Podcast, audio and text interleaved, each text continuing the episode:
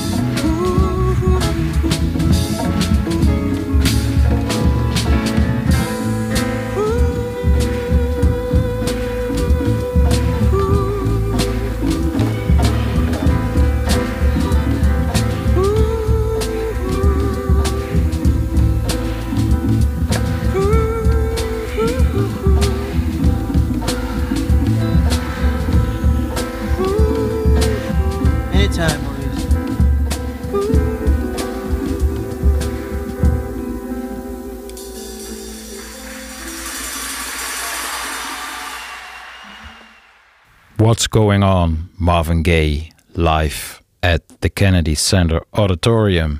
Maar ik had zo'n beetje elke live versie van dit nummer kunnen nemen, want het is altijd overal even prachtig.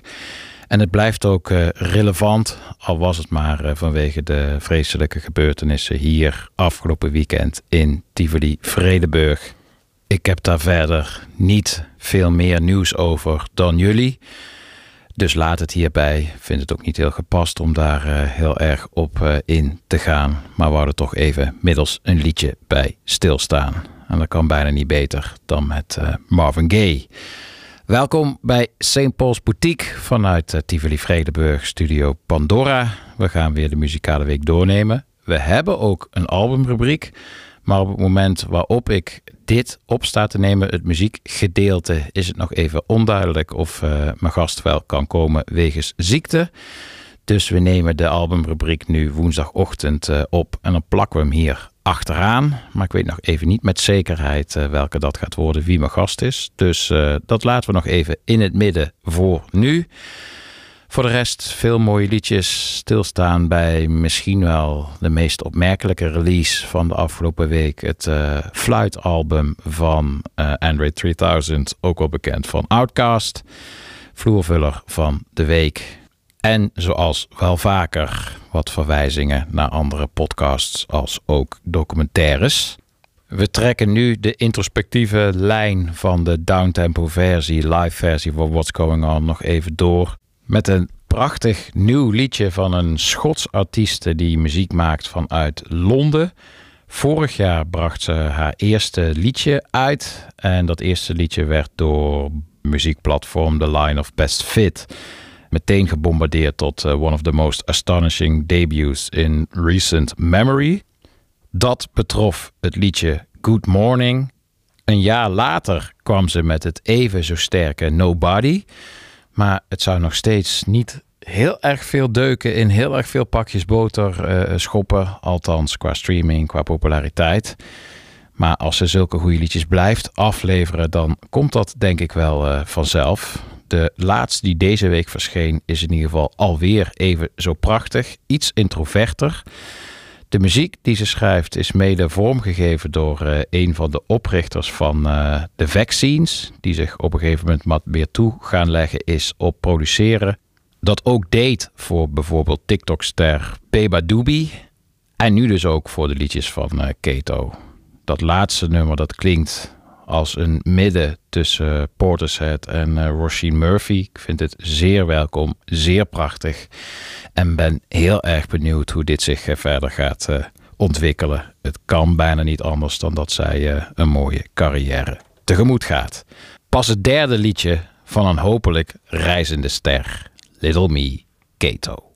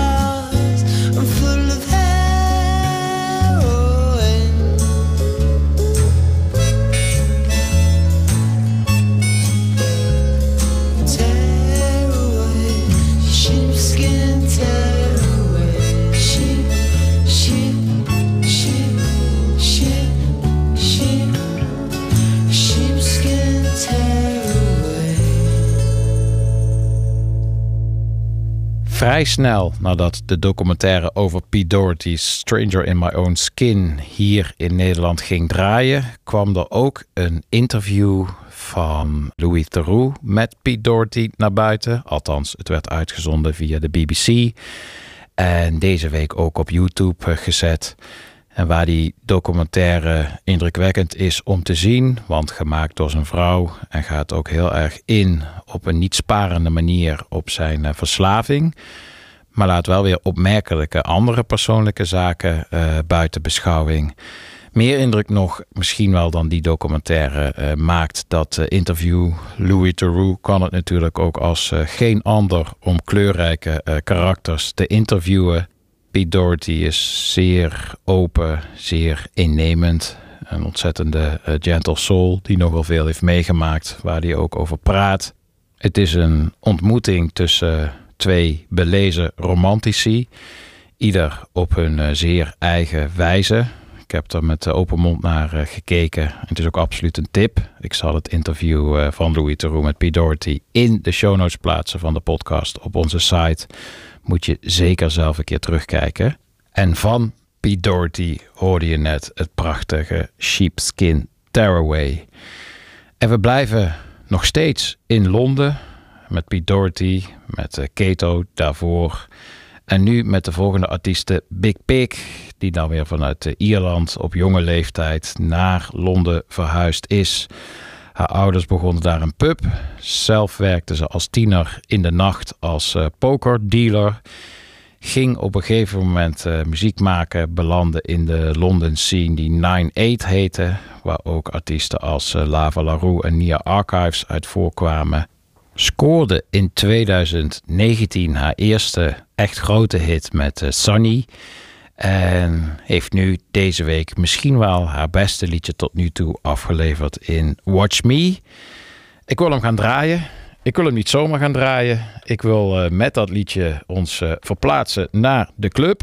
Want. We maken er gewoon meteen de vloervuller van de week uh, van. Want meteen toen ik dit hoorde, wist ik dat hij veel en vaak gedraaid gaat worden. En ik gok niet alleen door mezelf. Het is uh, ja, een prachtig voorbeeld van haar een beetje soul-pop voordracht die ze altijd wel heeft. Uh, in die credibility. En dan ook nog eens in dit geval een heel kleine lichte knipoog naar de Zero's Electro Clash periode die je nu ook weer heel veel terug hoort in heel veel muziek. Dus ja, dat maakt dat het bij mij uh, eigenlijk in zo'n beetje alle playlisten nu zit voor elke boeking. Watch Me van Big Pig.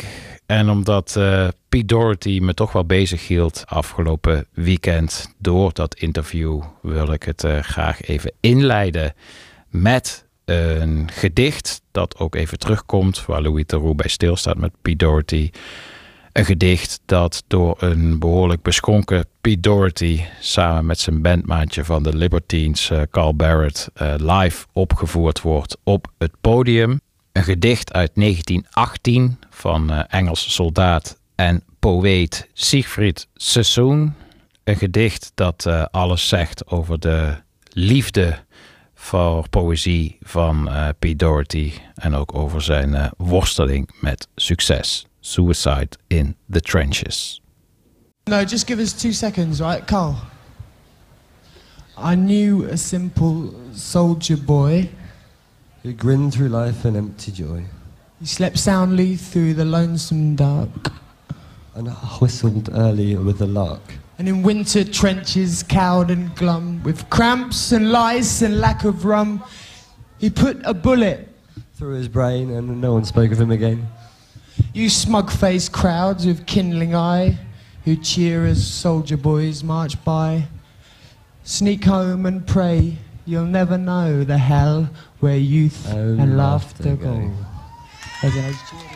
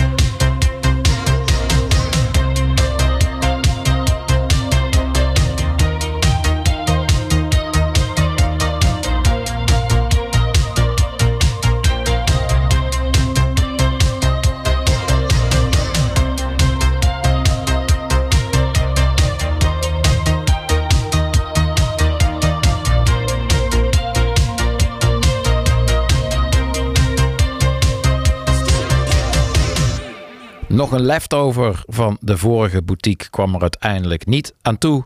De aanleiding was uh, Le Who. Daar trad Special Interest op. En wou ik even bij stilstaan. Kwam ik niet aan toe, maar nu dan toch even middels deze fantastische Boy Harsher remix van uh, Street Pulse Beat. Geweldige synthpop die nu weer uh, zegeviert op zo'n beetje iedere dansvloer. Nu gebruik ik het dan even als aanleiding om stil te staan bij een van uh, de voorvaderen van de synthpop, uh, Peter Hook, bassist van Joy Division. En New Order stond vorige week maandag hier in Tivoli Vredenburg. Ik mocht er kaarten voor weggeven. En alle luisteraars die er naartoe gingen namens uh, de show, die hebben me ook allemaal netjes gemaild en bedankt. Hou van mijn publiek, wel opgevoed. Dank daarvoor. Uh, ik was er zelf ook. Uh, helaas kon ik pas het uh, tweede gedeelte erbij zijn, dus ik kan er niet helemaal over oordelen. Ik vond het wonderbaarlijk druk. misschien is dat door mij verkeerd ingeschat. Ben ik te cynisch. Maar ik dacht, nou ja, als ik er uh, toch redelijk wat kaarten voor weg mag uh, geven, dan uh, zal het wel niet heel erg goed lopen. Maar de ronda zat vol. En dat terwijl de grote zaal hier in Tivoli Vredenburg ook vol zat. Tijdens een optreden van Explosions in the Sky. Waarvan ik me kan voorstellen dat het ook nog wel een overlap in publiek heeft. Bijzonder. Ik vond het vet om Pieter Hoek hier te zien. Het is eigenlijk, ja, als je Pieter Hoek een keer moet zien, dan was het tijdens deze tour. Want hij doet zo'n beetje alles van Joy Division en alles van New Order. Uh, dikke drie uur lang sta je naar uh, popgeschiedenis te kijken. Pieter Hoek was samen met Bernard Sumner, de zanger, de motor van New Order. Bernard Sumner die toert nog steeds als New Order. Hij is wat meer soft-spoken, ook wat zachtaardiger en subtieler op het podium. Ook in de uitvoering van de muziek. Pieter Hoek is iets meer uh, de, de hooligan. Dat heeft voordelen en nadelen. Ik vind de uitvoering en het bandgeluid bij, bij New Order, bij Bernard Sumner wat mooier. Bij Pieter Hoek zijn het wat meer de uh, grote gebaren. Maar ik vind dat juist bij de uitvoering van de Joy Division nummers ook wel weer uh, goed werken. Je zou je kunnen afvragen of ondanks zijn poëtische achtergrond Ian Curtis, de zanger, zelf iets meer in de lad culture had gezeten, was hij nog levende, net zoals Peter Hook. Op de een of andere manier is die Take No Prisoners houding op het podium, staat de nummers van Joy Division wel. Ik vond het ook heel vet om te zien hoe die volle zaal er helemaal in, in mee ging. Maar om nu hier weer een nummer van Joy Division of New Order te draaien of een side project, dat gaat wat ver. Het is al met afstand uh, de meest uh, gedraaide band, bands in de boutique. Dus ik ga even een liedje draaien van een artiest waar Pieter Hoek enorm fan van is. Een liedje van uh, Ian Jury. Een liedje dat je net iets minder vaak hoort dan zijn hits als Sex and Drugs and Rock and Roll, Hit Me With Your Rhythm Stick of Reasons To Be Cheerful. Een liedje dat ook nog eens gesampled is door A Tribe Called Quest in Can I Kick It. Dus reden te over voor een spin hier in de boutique. Ian Jury en de Blockheads met What a Waste.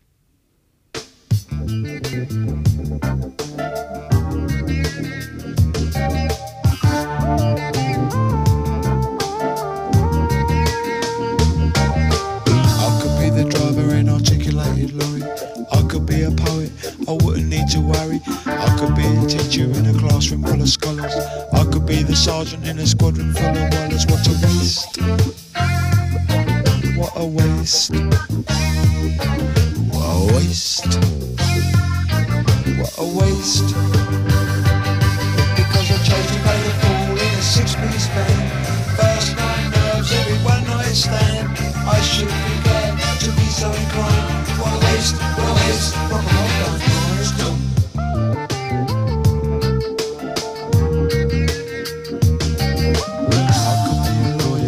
stratagems and ruses. I could be a doctor with poesis and bruises. I could be a writer with a growing reputation.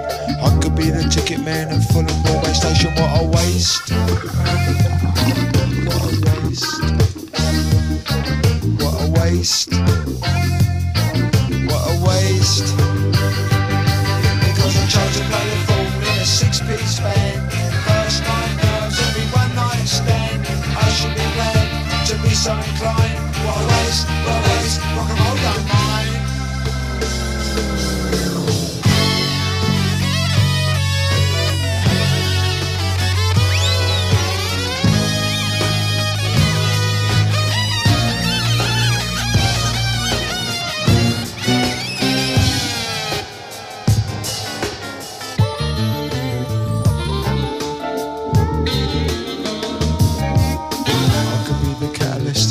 the revolution.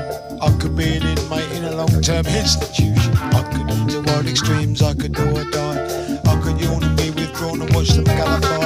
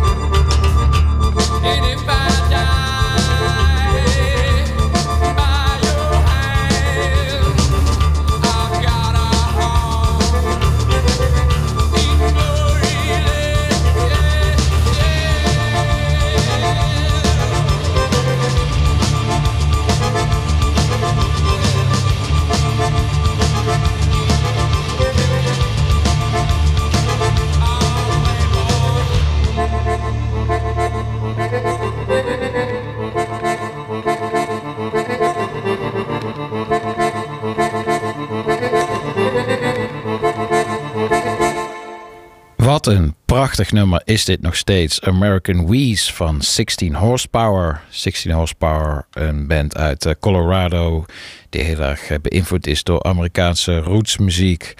Zowel eh, gospel als voodoo als blues. Maar tegelijkertijd laten ze zich ook inspireren door Ierse traditionele muziek. En dat wordt gehoord, dat wordt gewaardeerd. Zo blijkt uit uh, de uh, podcast die ik luisterde van uh, Ian Lynch. Ian Lynch is bekend van de Ierse band Lankum. Hij heeft een podcast Fire Draw Near, waarin hij helemaal diep ingaat op Ierse traditionele muziek.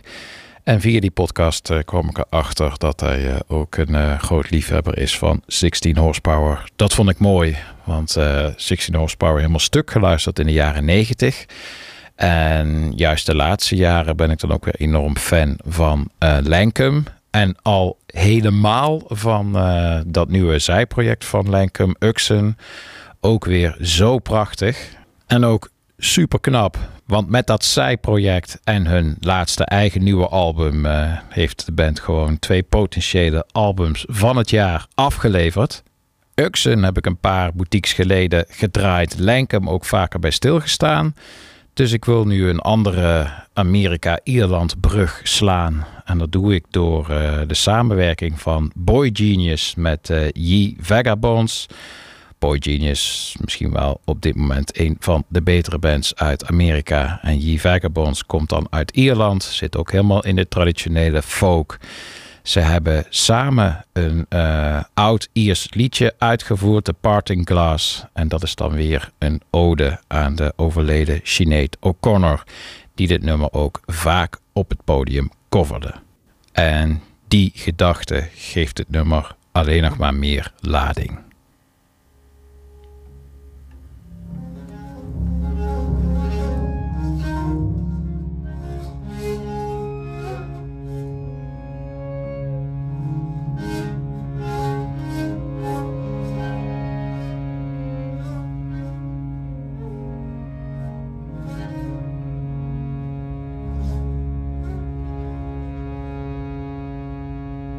Of all the money that e'er I spent, I spent it in good company, and of all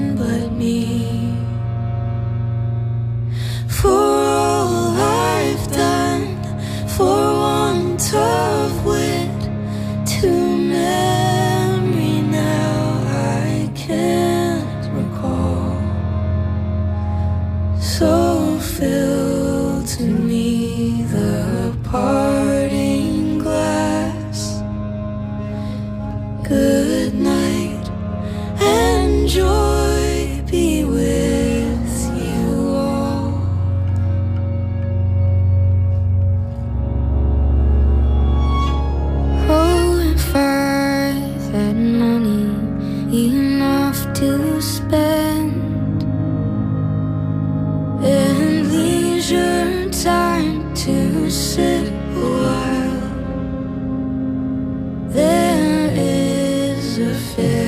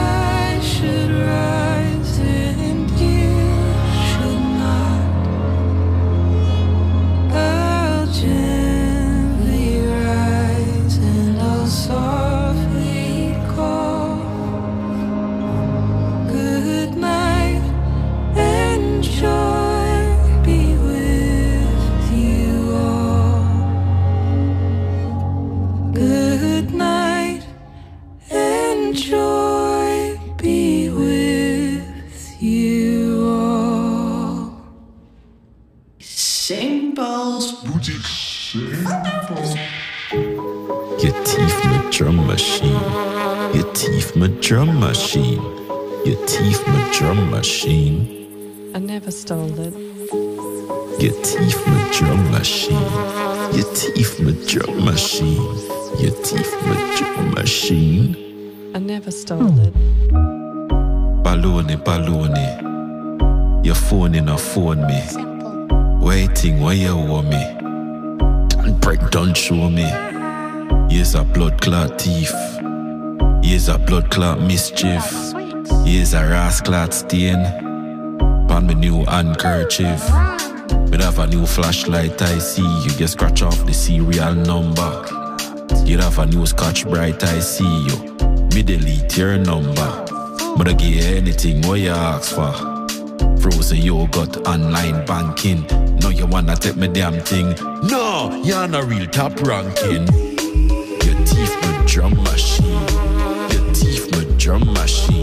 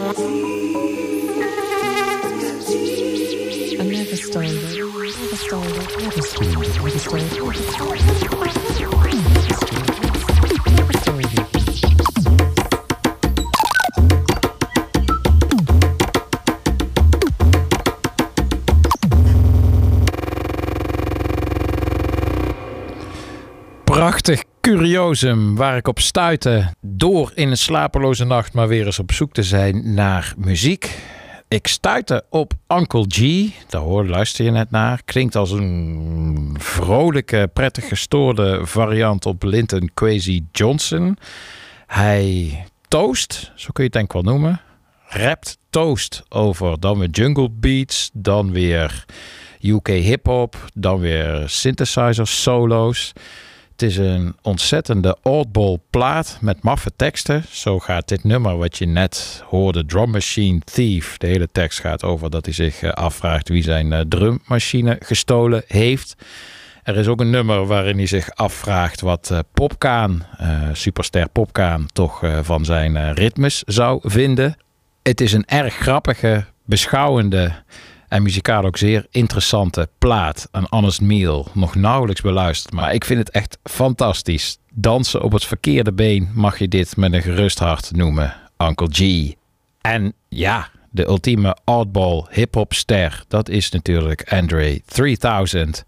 En die heeft nu wel eh, de grenzen van zijn muziek eh, volledig opgezocht door de fluit te omarmen op zijn eh, nieuwe album.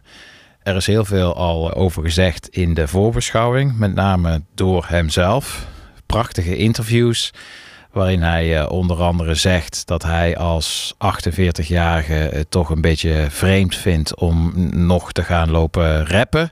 Waar moet hij het over hebben? Over zijn bijkeuken. Hij vindt het allemaal niet zo eh, geloofwaardig meer. Dus besloot een totaal ander uiterste op te zoeken. En heeft deze week dus volledig de fluit omarmd. En een eh, zeer minimaal ambient album afgeleverd in New Blue Sun. Eh, het was voer online voor vele grappen. Vele goede grappen ook. Grappen die hij zelf ook wel een beetje voedt met zijn, eh, zijn songtitels. Ik wil er even twee uitlichten. Twee songtitels van dat album. Eentje, het eerste liedje. I swear, I really wanted to make a rap album. But this is literally the way the wind blew me this time. Prima songtitel. Of wat dacht je van deze? The slang word pussy rolls off the tongue with a far better ease than the proper word vagina. Do you agree? Hiermee lijkt hij eh, zijn eigen nieuwe project ook niet altijd even serieus eh, te nemen. Toch leidde het tot een eh, zeer lovende Pitchfork review. Vond ik dan ook alweer opmerkelijk. Ook een zeer goed geschreven Pitchfork review. Want ik dacht eerst, ja, ja, zij moeten het dan weer briljant vinden. Typische, toch een beetje cockiness, zoals eh, Pitchfork ook wel bekend staat. Maar het is erg goed eh, geschreven. Ik werd er ook eh, zeer in meegenomen in eh, de review. Kreeg een 8,3. Maakte ook dat ik het album nog eens opnieuw zette met eh, die eh, Pitchfork oren. Moet je eerlijk zeggen, de 8,3 die kon ik er niet, eh, niet in horen. Daarvoor is voor mij persoonlijk het, eh, het Xenos gehalte toch iets te, te hoog. Maar oordeel eh, vooral zelf als je dat nog niet al gedaan hebt. Omdat ik het toch niet helemaal voel, kan ik, kan ik er ook niet echt iets van draaien. Dat is toch wel een beetje een stijlregel eh, voor de selecties, voor de podcast. Dus ik ben even gedoken in de features van eh, Andre 3000. Natuurlijk heeft hij heel veel prachtige muziek met Outkast opgenomen. Maar daar hebben we in de podcast ook wel al vaker dingen van laten horen. Dus ik dacht, ja, de man heeft ook zoveel goede verses voor eh, andere artiesten eh, geschreven. Ik denk aan features van hem op tracks van Beyoncé of Rick Ross of Jay-Z of een aantal malen bij Frank Ocean. Maar ik wil nu voor een hitje gaan dat ik eh, volledig vergeten was. Het is een liedje van eh, John Legend, Green Light. En John Legend maakt inmiddels wat flauwige muziek. Maar toen hij begon was het toch echt wel een bijzondere verschijning binnen de new soul en de hip-hop.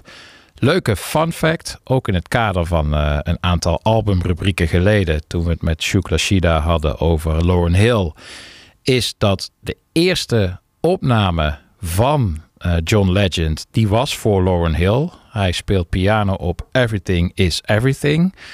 Laat dat voor de popquizzers een leuk weetje zijn wat je nooit meer vergeet. Hij zou vrij snel daarna samen met Kanye West zelf een album eh, uitbrengen. Wat ook helemaal paste in die eh, warme hip-hop sound van die tijd. En het eerste liedje dat daar eigenlijk een beetje afstapte, was een nummer dat ik helemaal vergeten was. En toch in de tijd wel veel gedraaid heb, ook voor de vloer. Namelijk de single Green Light. En daar zit ook weer zo'n eh, geweldige verse dus op van Andre 3000. John Legend met Green Light. Give me the green light. Give me just one night. I'm ready to go right now. I'm ready to go right now. Let's go.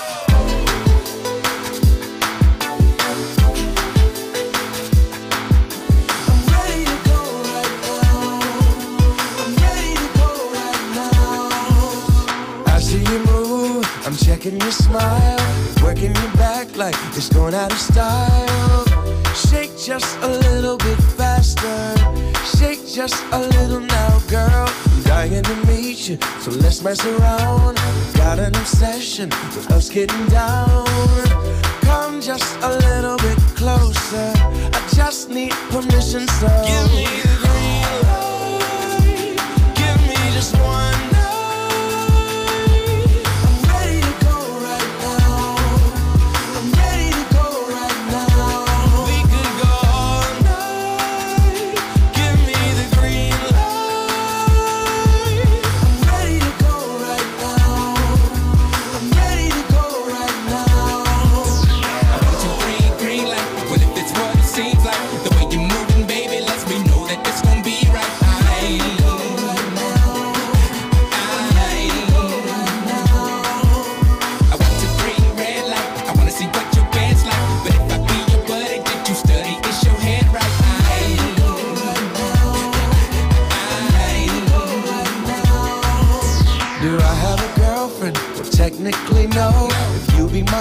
girlfriend, and I'll make it so.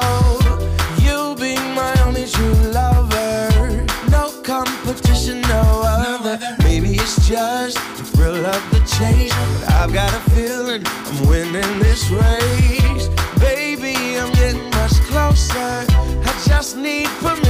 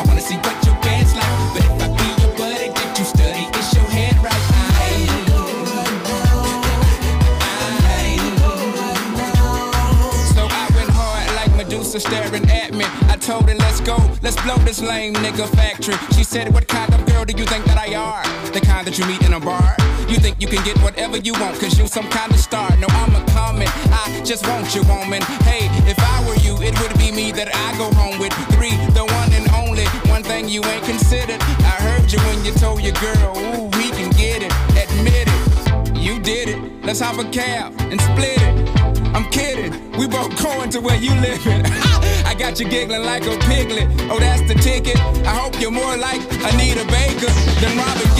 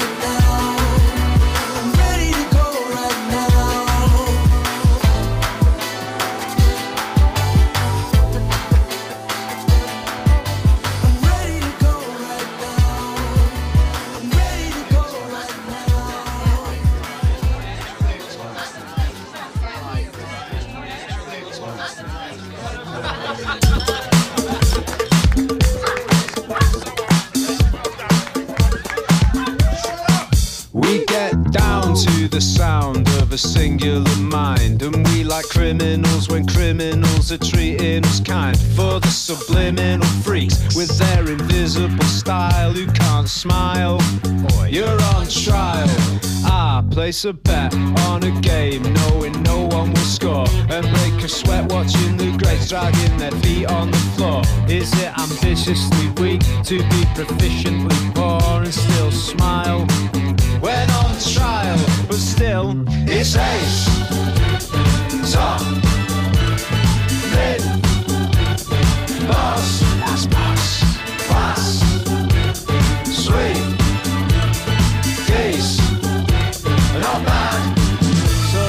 Face to your superiors to lighten the mood, or kowtow to your inferiors for fear you'll look rude. If you don't, are your interiors as perfectly skewed as mine are? Maybe I'll show you sometime. But oh my God it's ace. Just look at my face. I'm on top of the world. Hey. Of course it is. Why can't we travel in business class? Pass the pot because life is so neat it can't be beat. It's decent. Slap is decent, not bad. It's alright, yeah.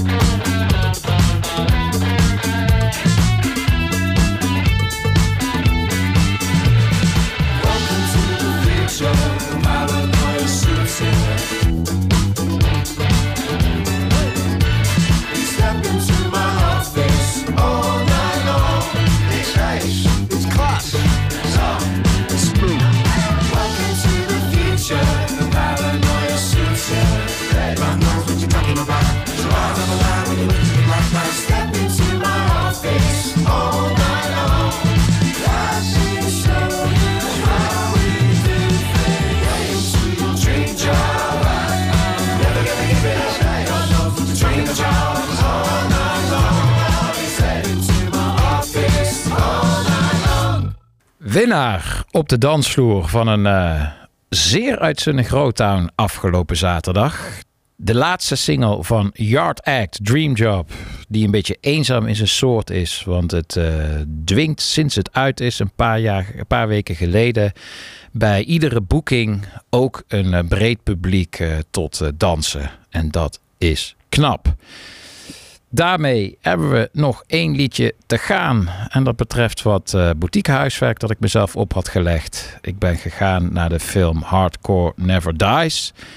Eh, zoals bij de luisteraar wel bekend. Ik ben zelf niet eh, de grootste gabber fan. Ik kan wel de charme van de subcultuur begrijpen.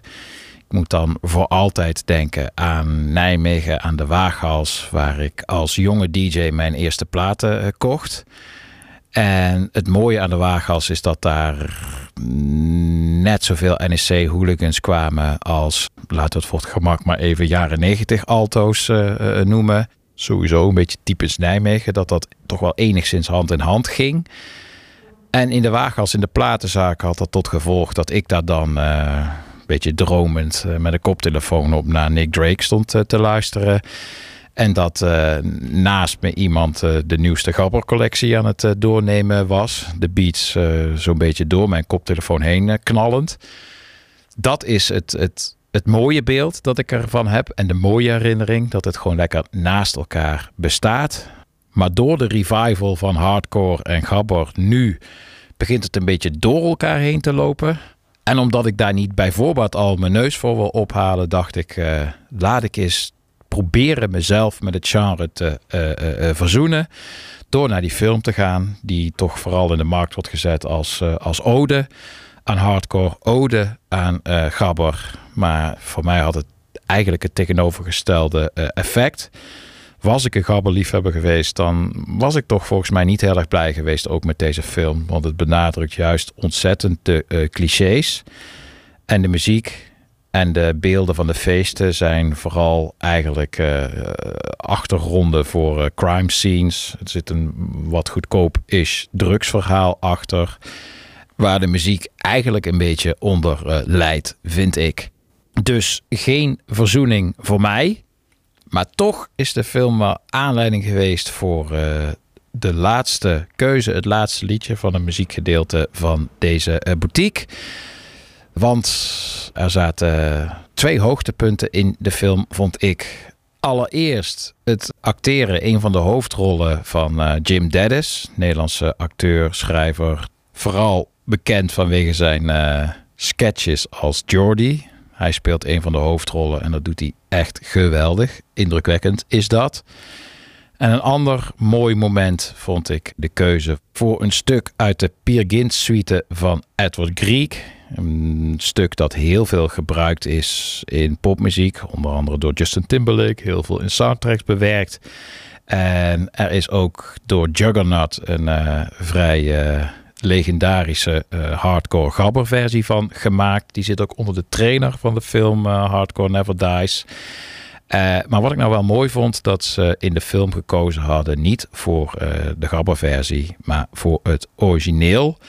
Zit in zijn eh, volledigheid in eh, de film. En de kracht daarvan vind ik dat je ziet hoe eigenlijk energiek, indrukwekkend en larger than life dat eh, stokoude origineel nog steeds klinkt. Je hebt er bijna geen beat overheen nodig om uh, omvergeblazen te worden. En zeker mijn Pieces of Tomorrow hart gaat dat toch meteen extra hard daarvan kloppen. Dus een waardige afsluiter, dacht ik zo, van het muziekgedeelte. In the Hall of the Mountain King. Uit de Pierkind Suite. Edward Grieg never dies.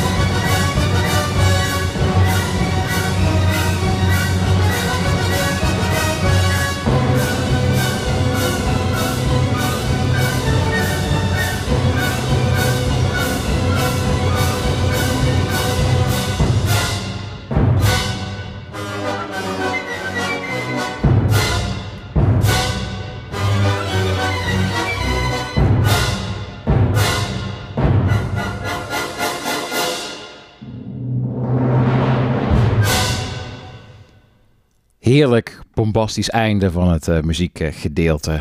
Bertolf zit hier volgende week. Maar nu toch enigszins uh, last minute aangeschoven.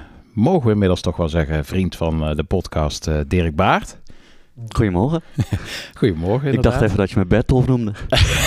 nee, dat zou wel een interessante ontwikkeling zijn om mijn gasten onder andere namen aan te spreken. Maar dat is wellicht een experiment voor later.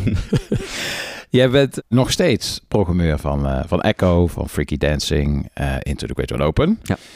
Aantal keren te gast geweest met een favoriet album. Zo ook nu. Op de ochtend van de uh, verkiezingen zitten we hier op te nemen. We hebben ons al verbaasd. We zitten in Tivoli Vredenburg over het spectaculair lelijke uitzicht hier. we kijken uit op alle gebouwen rondom Hoog Katerijnen. Wat er allemaal met de jaren bij is gekomen.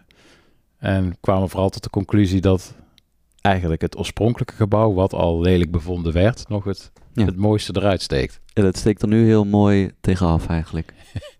ja, dat terwijl we toch zo'n prachtige stad hebben. Dat terzijde. We gaan praten met elkaar over het vierde album. Verleidelijk om hier meteen op in te gaan, maar uiteraard ook voor jou, Dirk Baart, de openingsvraag. Do you remember the first time? Ja, ik zou het eigenlijk niet weten ik denk dat het ergens in uh, 2016 geweest uh, zal zijn, want toen verscheen de plaat. Uh, dus ik was eigenlijk vooral heel. ik vond het vrij confronterend dat hij dus al zeven jaar oud is. Ja. dat voelt, voelt lang geleden. Ja. ja. Ik had dat ook wel, dat het lang geleden voelde. En dat ik het dan nog absurder vond, om daar dan maar meteen op in te gaan. Dat er dus ook nog eens drie albums voorkwamen. Ja. Dat had ik ook niet zo. Ik weet nog dat dat eerste singeltje van dit album uitkwam. En dat was Your Best American Girl. En ik had wel al wat gehoord van haar.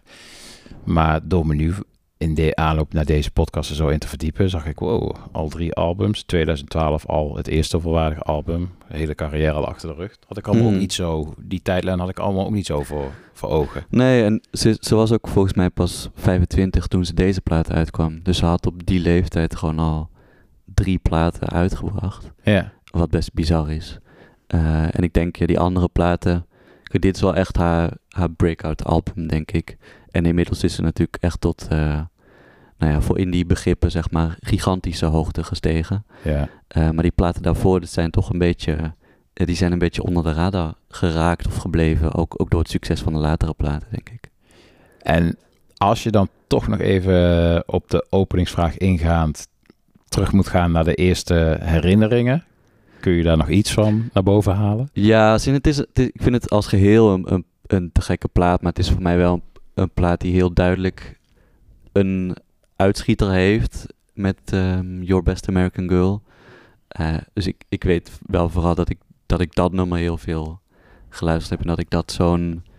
Nee, het, is, het is een beetje een anticlimax om hem meteen, om hem meteen helemaal door te zagen. Maar ja, dat is in volgens mij 3,5 minuut een soort roman waar een schrijver 500 pagina's voor nodig heeft en waar een regisseur misschien 3,5 uur over doet. En zij doet dat in 3,5 minuut en er zit, zit zoveel in, dat nummer. Ja, in het contact dat we gisteren hadden over welk album, zei je ja, het beste nummer aller tijden staat hierop. Dus dan moesten we daar maar voor gaan. Ja, en elke dag is er een ander beste nummer alle Zeker. tijden natuurlijk, maar voor vandaag eh, is deze het dan. ja. ja. En niet alleen qua tekst vertelt het inderdaad een, eh, een, een heel verhaal of een hele film of een heel boek. Maar ook in de muziek bij dat nummer. Het is zo holistisch en allesomvattend in de distorted gitaren. aan de ene kant de klassiek songwriter eh, schap, lelijk woord, sorry. Maar ook in de muziek vind ik dat het alles wat haar goed maakt samenbrengt. Hmm, het gaat echt van heel klein naar super groot. Ik denk die, het moment dat die distorted gitaren erin komen is bijna een soort van Radiohead creep-achtig moment waar het helemaal losbarst. En het eindigt dan weer helemaal klein. En ik vind het heel mooi in, in dat nummer hoe het ook de, de muziek spiegelt de tekst heel erg of volgt die, tekst heel erg. Dus zij heeft het eh, over een relatie met een Amerikaanse jongen en zij is zelf van Japans-Amerikaanse afkomst en ze heeft volgens mij in haar jeugd ook heel veel gereisd. Dus haar, eh, haar opvoeding was gewoon heel anders dan misschien het soort van ideaalbeeld of het traditionele eh, stereotype Amerikaanse opvoeding. En zij vertelt van, ja, jouw moeder zou het niet goed vinden hoe mijn moeder mij heeft opgevoed. Dus doe ik maar mijn, ik doe mijn best om voor jou in een soort van dat ideaalbeeld van your best American girl eh, te, hè, daar, om daarin te passen. En ik vind het het mooiste moment is eigenlijk één wo- woord in de tekst wat ze verandert in het refrein. Eh, ze zegt eigenlijk, ik, ik denk dat ik nu eindelijk eh, ja, het, het, het, eens ben met hoe mijn moeder mij heeft opgevoed. Ik weet nu even de letterlijke tekst niet, maar de, de eerste keer zegt ze I think I do. En dan in de tweede refrein, en dat is ook net weer, die gitaren zijn dan net weer anders aangezet, net, nog net iets harder, zegt ze I finally do. Eh, dus dan omarmt ze die op, opvoeding echt helemaal. En dan in het laatste stuk wordt het weer klein en is- ze weer terug bij I think I do. Dus het soort van die, hoe, je met, met, hoe ze daar met één ander woord eh, zo dat verhaal vertelt en in, in die 3,5 minuut zoveel eh, voortgang laat zien, zeg maar. Ik vind dat echt, ja, dat is waanzinnig.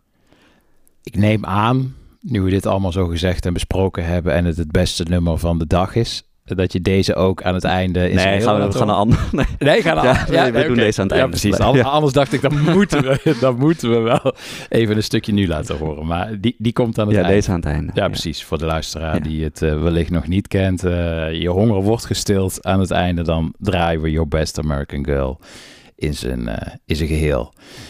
Het is vanaf dit moment ongelooflijk hard met haar eh, gegaan. Dus een superster.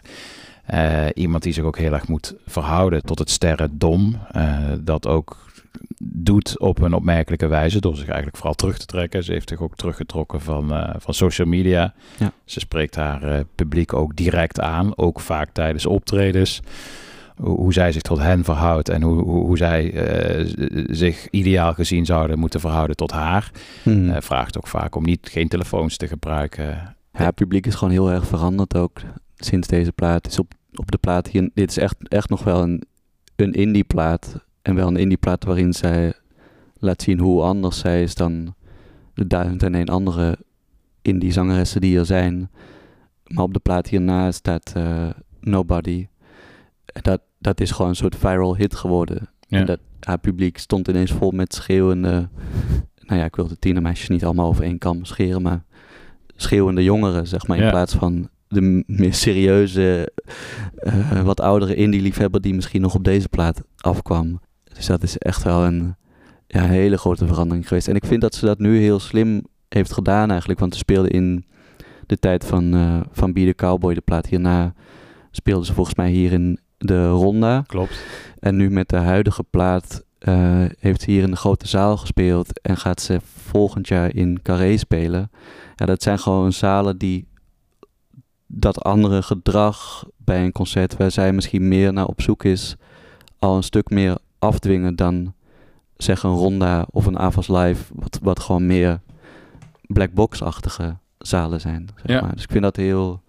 Ik weet niet of dat, of dat helemaal bewust is en of dat plan erachter zit, maar ik, ik, vind dat, ik zou dat een heel slimme move vinden, zeg maar.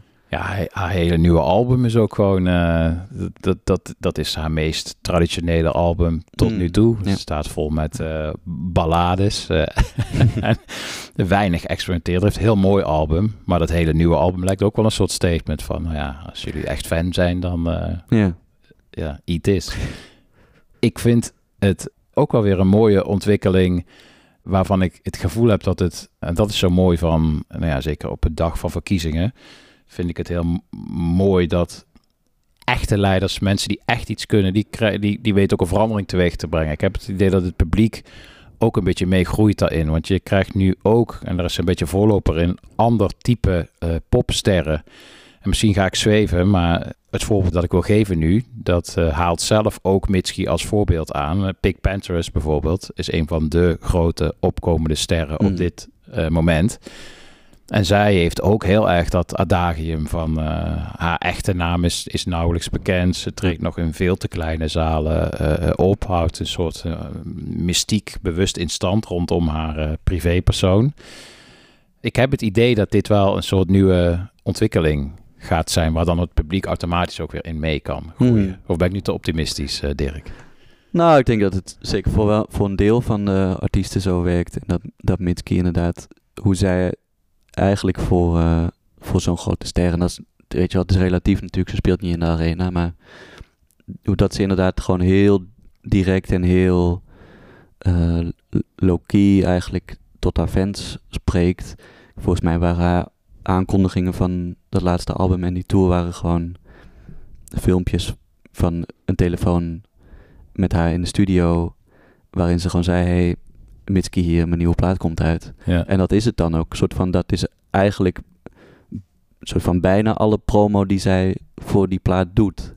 En dat, ja, ik denk wel dat dat heel, ik vind dat wel heel ontwapenend ook of zo. Dat, dat zo'n ster ook gewoon denkt van, ja, ik maak die muziek en verder draait het ook niet per se de hele tijd om wie ik dan ben of weet je wel wat ik gisteren voor mijn ontbijt heb gegeten of en ik denk haar platen zijn ook wel zijn heel kunnen heel meeslepend zijn maar er zit ook bij haar altijd wel toch een bepaalde ingetogenheid in of ze ze heeft ook een ze heeft een heel mooie stem vind ik maar ook een enigszins ingehouden stem dus je zult haar nooit echt horen schreeuwen of zo. Ze zet nooit echt een, randje op die stem. Zelfs in, in deze plaat waar het echt muzikaal een stuk rauwer is dan op de drie platen die ze hierna heeft gemaakt.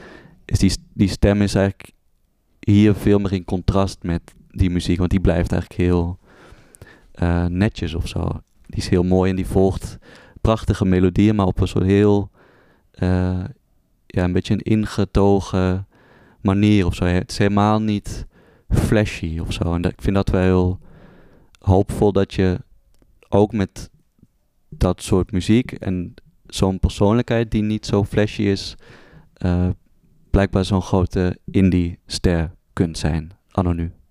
En het is een enorme muzikant en muzikant. En daar komt ook mooi terug in wat jij net zei, dat ze niet eh, overschreeuwt. Lucy Dekes, ook van Boy Genius, die had gezegd eh, over Mitski ergens in een interview, dat ze is ook gewoon fan vanaf het begin, dat ze je als luisteraar laat schreeuwen zonder zelf te schreeuwen. En dat Mm. dat Ja, echt een, een, Ja. een kracht is. En ik las in een, in een Pitchfork interview, las ik ook dat, eh nee, was niet van Pitchfork, was Rolling Stone zelfs. En dat vond ik ook mooi geschreven, dat het volgens mij om, vanwege alle persoonlijke thema's en het is heel confessional en ze spaart zichzelf niet. Er zit heel veel twijfel in dat het een totale uitputtingsslag geweest moest zijn om dit album te maken, maar dat het heel bevrijdend klinkt. Mhm. Dat, dat vond ik ook, nou, zowel Lucy Dekens als Rolling Stone halen daar, vind ik heel erg iets naar boven. Wat ik ook een enorme kracht vind van haar eh, muziek is het bijna het, het, het lijden voor de kunst. En wij Ja. kunnen er dan, wij kunnen er Ja. dan lekker van genieten wanneer het eh, opgeserveerd wordt. Mhm. Ben je ook iemand die eh, echt haar hele oeuvre luistert, opzet? Nou, niet. Ik, ik moet zeggen, dit is wel echt de plaat waar ik ben ingestapt. Dus die drie platen daarvoor, die moet ik misschien hierna nog eens aanzetten. Want ik moet zeggen dat ik eigenlijk ook een beetje vergeten was dat die er waren. Eh, en dit is voor mij wel, wel de plaat die ik het vaakst draai, denk ik. Ik vind de andere platen eh, echt heel mooi. En bijvoorbeeld ook op, op Laurel Hell, wat misschien een beetje een soort van tussenplaat geworden is of zo in haar discografie. Die vind ik eigenlijk heel cool. Ehm, maar ik vind, denk ik bij haar nieuwe plaat, die vind ik dus heel mooi. Maar ik vind dat daar de ingehoudenheid van de muziek en de ingehoudenheid van de vocalen maken het voor mij een iets minder interessante plaat. Ik vind Mhm. Puberty 2 is echt een plaat die me raakt en die me bij mijn leuven pakt. Eh, en ik denk ook, ook een plaat die heel passend is voor deze tijd of zo. Ik weet, zij maakte deze plaat toen ze 25 was. Ik ben net 26, dus ik... Puberty van- Ja, en ik denk dat dat echt wel iets is van nu... Kijk, normaal gesproken had je misschien één puberteit. En nu ben je op een gegeven moment 25, 26. En je bent niet meer jong, maar je bent ook niet oud. En je kunt niet een huis kopen en je hebt een studieschuld. En nou ja, het klimaat is naar de kloten. Dus heel veel mensen uit mijn generatie die vragen zichzelf misschien ook af, ja, wil ik ooit wel aan een gezin beginnen? Eh, dus je komt toch terecht in een soort van tweede limbo. Net in de eerste puberteit hang je natuurlijk ook een beetje tussen wal en schip. Ik denk dat heel veel mensen, zeker nu op mijn leeftijd, zeg maar op de leeftijd dat Mitski deze plaat maakte, dat gevoel ook hebben. En dat je elke dag eigenlijk een soort van... De plaat gaat voor mij heel erg over dat gevoel naar een soort van alledaags geluk of zo. En ze is heel erg op zoek van, nou, ik ga elke dag joggen op een bepaald ritme. Is dat dan wat me er overheen brengt? Ik, ik heb een relatie. Is dat dan wat me soort van die onrust wegneemt? Maar ja, aan de andere kant brengt het me ook weer heel veel onrust. Ik denk dat dat wel een zoektocht is die heel herkenbaar is. Ik vind het heel mooi omschreven. En het verklaart ook heel erg de titel, Puberty 2. En tegelijkertijd is het ook zo universeel. Herken ik me erin. Herkent zelfs, vind ik even mooi om te zeggen, eh, Obama zich eh, erin. Die het ook in zijn, eh, in zijn jaarlijkse playlist... Niks menselijks is een vreemd. nee, precies. Die het ook in zijn jaarlijkse playlist plaatste. Dat is toch wel net wat scherper dan onze Frans Timmermans, zou, ik, zou ik willen beweren. En dat vind ik ook weer het knappe eraan. Dat, en dat is dan weer mijn eigen zwak. Ik hou heel erg van muziek die heel erg persoonlijk weet te blijven. En dat het, dat het toch een universele herkenbare uitwerking heeft. Je hoeft niet per se precies meegemaakt te hebben wat zij heeft meegemaakt. Om er helemaal in meegenomen eh, te worden. Terwijl het tegelijkertijd ook heel erg eh, privé en persoonlijk. En soms ook hele specifieke dingen zijn waar ze over zingt. Hmm. En dat vind ik zo ontzettend eh, knap aan. En volgens mij heeft dat ook te maken met, eh, en die moet ook wel even eh, genoemd worden, vind ik. Patrick Hyland, dat is de eh, producer waar ze veel mee werkt. En helemaal op dit album. ik vind de combinatie van invloeden, als ik dan denk aan een nummer als Once More to See You, dat begint met de klassieke Phil Spector drums die ook in Be My Baby zitten van de, van de Ronettes. Heel erg 60 sound heeft dat. Er zitten van die Pixies, Weezer, distorted uh, gitaren in. Soms is het zelfs een beetje R&B-achtig, mm. maar dan klassieke rhythm and blues. Ik vind het ook daarin zo'n fantastische cocktail van al het goede wat muziek te bieden heeft. Maar ook daarin zou je het gevaar kunnen zijn dat je te specifiek. Uh, er zitten bijvoorbeeld ook surf-elementen uh, in. En dat je dan heel specifiek een surf-nummer gaat proberen te maken. Ja. Waardoor het alleen maar voor de, de happy few is die daar wat mee hebben. Maar alle elementen worden zo aangewend dat het toch uiteindelijk leidt tot een universele popsong. En dat vind ik zo mm. knap Ja. eraan. Het is echt, het is best bij Vagen best wel een rare plaat of zo. Zeker ook in vergelijking met wat hierna komt. Maar het klinkt toch ook allemaal heel catchy. En het is heel erg duidelijk dat, het, dat je naar een Mitski-plaat zit te luisteren de hele tijd. Zeg maar. Dat is zo knap. Ik, ja, ik, kan me eigenlijk niet... eh, als, als iemand die qua productie zeg maar een, een- echt een leek is... Ik kan me gewoon niet voorstellen hoe je dat voor elkaar krijgt ook of zo. Dat gaat waarschijnlijk ook heel organisch. Maar dat je al die invloeden hebt en dat, dat je die ook echt allemaal nog wel terug hoort op zo'n plaat. Maar dat je tegelijkertijd dat gevoel hebt van, oh, dit is... Hier zit echt een heel duidelijke rode draad in die heel sterk samenhangt met degene die dit heeft gemaakt. Ja. ja, het is bijna het, het klassieke overdubben. Wat dan bijvoorbeeld het voorbeeld uit de popgeschiedenis daarvan is Marvin Gaye, What's Going On. Maar dat, het werkt met heel veel overdubs. Maar dat is dan vaak van stemmen op stemmen op stemmen. Of strijkers op strijkers. Maar hier heb je een soort overdub van, van, van, van surfgitaren op, op R&B-ritmes. Op, eh, het, het, het is het overdubben van elementen die van nature niet bij elkaar passen. Ja. Super knap. Opmerkelijk ook, wat niet onverlet mag blijven, is dat zij groot geworden is. In ieder geval zo groot als ze nu is, dankzij eh, eh, TikTok. En dat ze zelf al een tijd lang helemaal van social media eh, af is. Wat ik ergens eh, enorm geruststellend vind. Want het is altijd, vind ik, toch een wat cynische benadering om altijd maar af te geven op, op TikTok. En dat dat eh, lelijk en plat en snel scoren en niet om de inhoud zou gaan. Het is heel erg een tool voor kids die een leven op zichzelf is gaan leiden waar je je helemaal niet per se te hoeft te verhouden. En dat is Mitski is daar het beste voorbeeld van, wat mij betreft. Ze, zitten, ze is helemaal weg van social media. En toch leeft het daar zijn eigen leven. Gaat het hartstikke goed. En hoeft ze dat helemaal niet te voeden met lollige filmpjes. Of, eh, Nee, kijk, ik denk dat het ook iets is. Er zijn artiesten die heel actief gebruik maken van social media, waaronder TikTok. En die hè, misschien ook wel muziek maken met het idee, of filmpjes maken met het idee, of edits maken met het idee. Dit zou wel eens kunnen gaan werken op TikTok. Eh, en Mitski is denk ik een heel goed voorbeeld van dat je er soms ook niet alles aan kunt doen. En dat het gewoon kan gebeuren ineens dat een nummer waarbij je zelf echt nooit aan TikTok hebt gedacht, gewoon ineens daar wordt omarmd en uitgroeit tot een of ander viral fenomeen.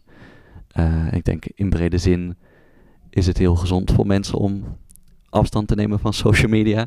Dus ik vind het ook goed dat Mitski dat doet, weet je wel. En ik denk wat, waar voor mij de moeite meer zit is, ik geloof echt dat die mensen die op TikTok en op andere social media platforms eh, met muziek van Mitski in de weer zijn, zeg maar, dat die oprecht haar muziek vet vinden en eh, een, een nummer zoals Nobody echt een heel vet nummer vinden. Ehm, maar dat op het moment dat je dat dan weer in de fysieke wereld bij een optreden moet gaan verenigen en de belevingswerelden van die artiest en een deel van dat publiek wat eigenlijk vooral op TikTok met die muziek bezig is geweest, zijn zo verschillend. dat dat dan wel clasht of zo. Ik denk dat dat wel in het verleden bij haar, shows wel gebeurd is. Wat ook interessant is of zo. Het hoeft niet altijd een, een probleem meteen te zijn. En ze ontwikkelt daar nu, denk ik, samen met dat publiek waar we het eerder over hadden, ook weer voorbij. Precies. En, en- maar dat vind ik dus het geruststellende. En dan ben ik misschien weer die romantische voel. Maar ik vind het dus geruststellend dat er jaren was even die frictie. Maar nu zijn we... Dit speelt al jaren. En inmiddels lijkt het zich redelijk te, no- redelijk te normaliseren bij haar eh, optredens. Ze doet dus ook niks en dat vind ik het meest mooie. eh, want dat wordt wel vaak een beetje gesuggereerd. Dat je in deze tijd als popster... Je moet wel ijdel zijn. Je moet wel eh, lollige filmpjes maken. Je moet wel op social media. Zij bewijst eigenlijk het tegenovergestelde. Maakt ook nog eens een hele intieme, niet pleasende plaat. En het gaat allemaal lekker gestaag door. Ja, ik vind dat fantastisch. Ja. Ja, en kijk, uiteindelijk, als je daar dus weer uitkomt, eh, dan hebben we er zeg maar duizenden, honderdduizenden, weet ik niet, nieuwe potentiële indie-fans bij, zeg Ja. maar. Eh, en dat is natuurlijk alleen maar hoopvol en eh, goed voor de goede zaak, zeg maar. Ja, ik, ik, ik bedenk trouwens in één keer dat we, helemaal nog niet gezegd, maar vorige week had ik uh, Agen Sluis hier te Ja. gast. En hij is de Nederlandse boeker voor, voor Mitski. En hij vertelde ook heel even in eh, de vorige albumrubriek, eh, vertelde hij heel even over Mitski. Toen hadden we het over eh, je, je verhouden tot je fans. En dan vertelde hij ook over een paar jaar geleden hoe heftig dat was. En dat zij vaak in een, met een hoodie over haar hoofd dan door het publiek de zaal verliet. Omdat ze daarvoor ook wel vaker, als ze zich door het publiek eh, begaf, dat ze constant aangeraakt en, eh, Mm. en betast en vereerd werd, waar ze zich heel ongemakkelijk bij, eh, bij voelde. Toen ging het dan over de vraag in hoeverre een hoodie op Dan helpt, juist, ja. juist extra aandacht vestigt of niet. Ja, Maar ten tijde van deze plaat stond ze gewoon nog in Echo, denk ik. toen nog, ja? Ja. Ja, fantastisch. Dan, dan moet je op zich ook door het publiek Ja. om naar de kleedkamer te komen, maar dan is er iets minder publiek. Ja. Jeetje joh. Oké, ja, dat had ik nog niet zo gerealiseerd. Ik zou zeggen dat het toen ook al wel... In mijn beleving ging die eerste single die we zo meteen gaan luisteren meteen al vrij hard. Maar dat... Nee, volgens mij, als in, eh, correct me if I'm wrong, eh, na de podcast, maar volgens mij 2016 speelde ze in Echo. Geweldig. Ja. Nee, dan is het inderdaad gewoon eh, een mooie aanleiding om het ook even te hebben over, over 8 december. Want dan eh, organiseren wij samen een, eh, een mooie Indie eh, Fest. het jaarlijkse Perfect Indie Disco XL. Met oliebollen, dat eerst. Met een muzikale oudejaarsconferentie. Met Vampire Boyfriend, de gekke nieuwe band. Met de toegift, die heel, veel, heel veel aan liefhebbers winnen, ook op alle festivals. Ik ga draaien, ik maak nog een, eh, een indie popquiz. Dat was ook de, de aanleiding om je, om je te vragen. Want ja, we zijn hier zo mee bezig met deze avond, eh, om dat samen in te vullen. We gaan nog de stad in om eh discobollen te verstoppen met golden tickets eh, eh, erin. We zaten zo in de indie mindset. Ja. En dan kom je bij Mitski kom je dan wel vrij snel uit als indie ster van de laatste jaren. Maar ik had niet zo gerealiseerd dat zij ten tijde van deze plaat dan ook nog gewoon in Echo gespeeld heeft. Hmm. Ja, en ze is nu op, op, ook op de re- reguliere Perfect Indie Disco's wel ook een van de Niet normaal. huisfavorieten. Ja, Toch? niet normaal. Ja. ja. maar en dan kun je dus ook, dat vind ik zo vet. Jij stuurde laatst een, eh, een statistiekje door en dat vind ik gewoon fantastisch. Want ja, we doen het er niet om. Maar als je het dan over de leeftijd hebt, die we net bespraken, Puberty 2, de gemiddelde leeftijd is 24. Ja. Driekwart is, eh, is vrouw. Dat verklaart, nu we het er zo over hebben, in één keer ook waarom, wat we al vaker tegen elkaar zeggen, is eh, bepaalde dingen die het dan opvallend goed doen. En voor mij is Mitski daar ook zo'n goed voorbeeld van. En dan hoef je niet eens eens de hits te draaien. Only Heartbreaker bijvoorbeeld, die draai ik heel veel. Nou man, dat is echt alsof je in de jaren negentig Rage Against the Machine opzette. maar dan zo fantastisch delicaat met die Ja. synthlijnen en, en, en gelaagde teksten. En ja, dat maakt wel echt als DJ volmaakt gelukkig. Ja.